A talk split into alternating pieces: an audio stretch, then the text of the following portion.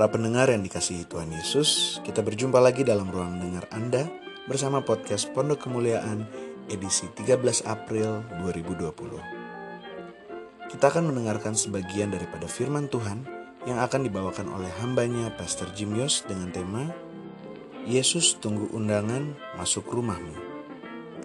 Selamat mendengarkan dan Tuhan Yesus memberkati.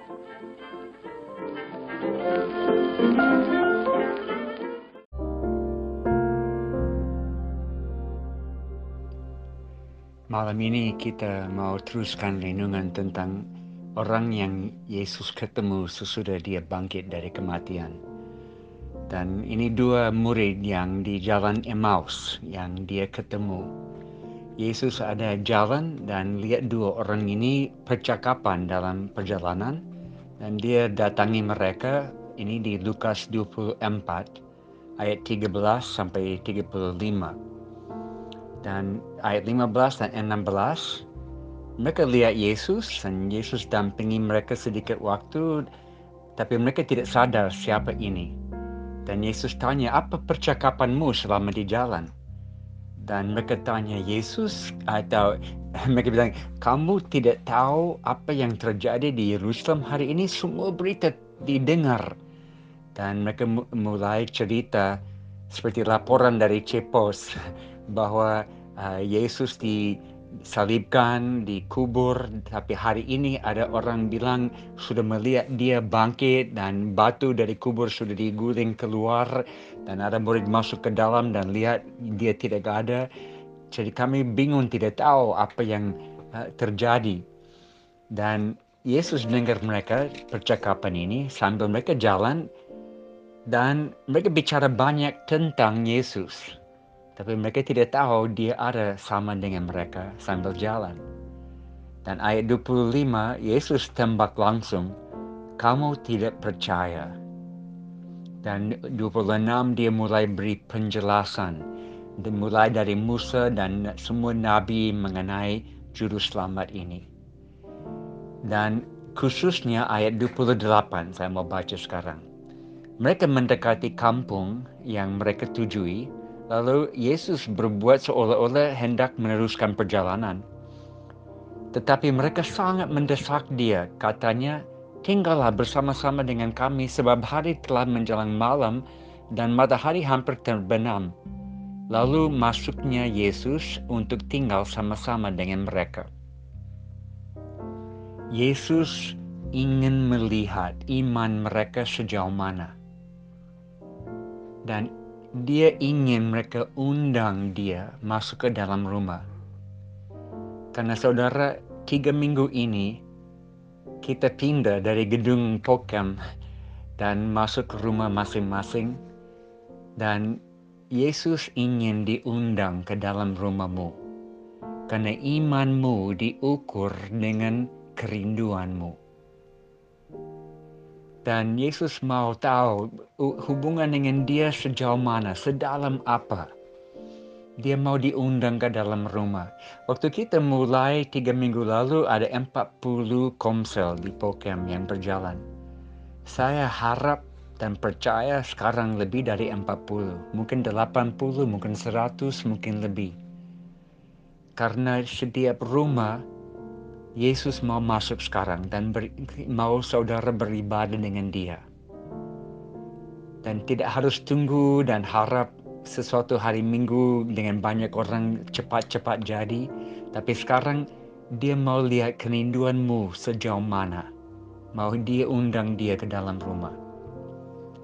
Dan waktu dia masuk, uh, apa apa terjadi? Uh, ayat 30. Waktu ia masuk dia duduk dan makan dengan mereka. Ia mengambil roti, mengucap berkat dan memecah-mecahkannya dan memberikan kepada mereka. Ketika itu terbukalah mata mereka dan mereka pun mengenal dia. Tetapi ia lenyap dari tengah-tengah mereka. Jadi Yesus masuk dan mau makan.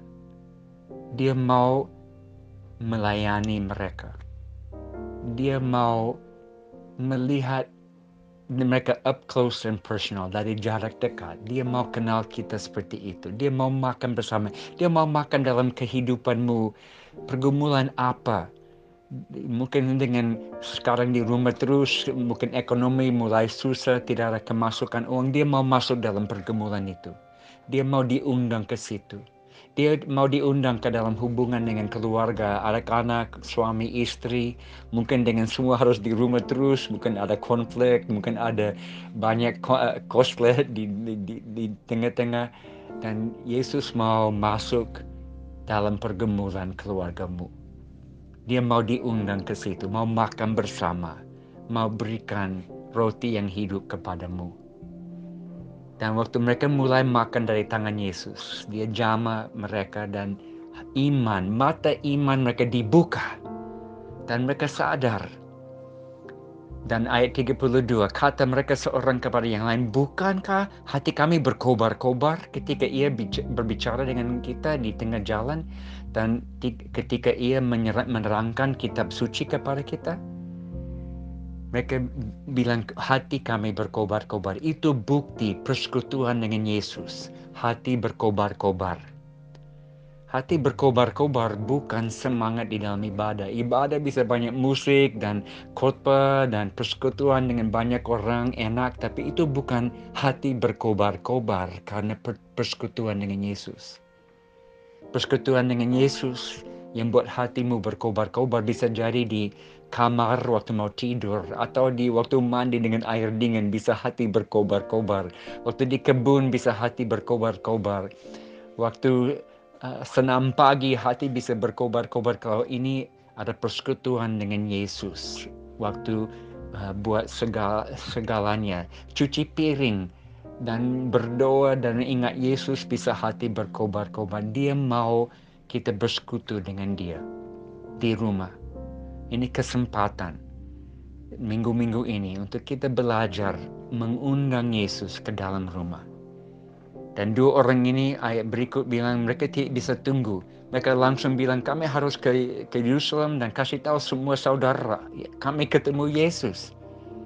Dan itu sudah gelap dan Yerusalem 15 km jauh dari tempat di mana mereka ada saat itu.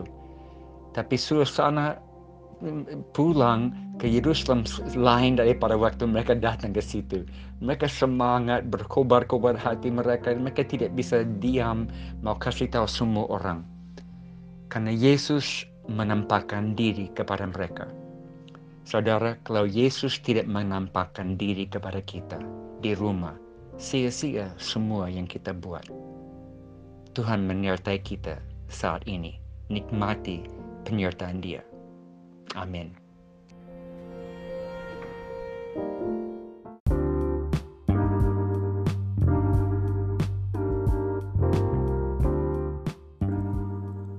Para pendengar yang Tuhan Yesus kasihi, baru saja kita mendengar renungan dari Pastor Jim Yost. Kiranya renungan tersebut menjadi berkat dan kekuatan bagi kita dalam menjalani kehidupan kita sehari-hari. Jangan lupa ikuti sosial media kami di Instagram di pokem underscore youth. Sampai berjumpa di podcast berikutnya. Tuhan Yesus memberkati.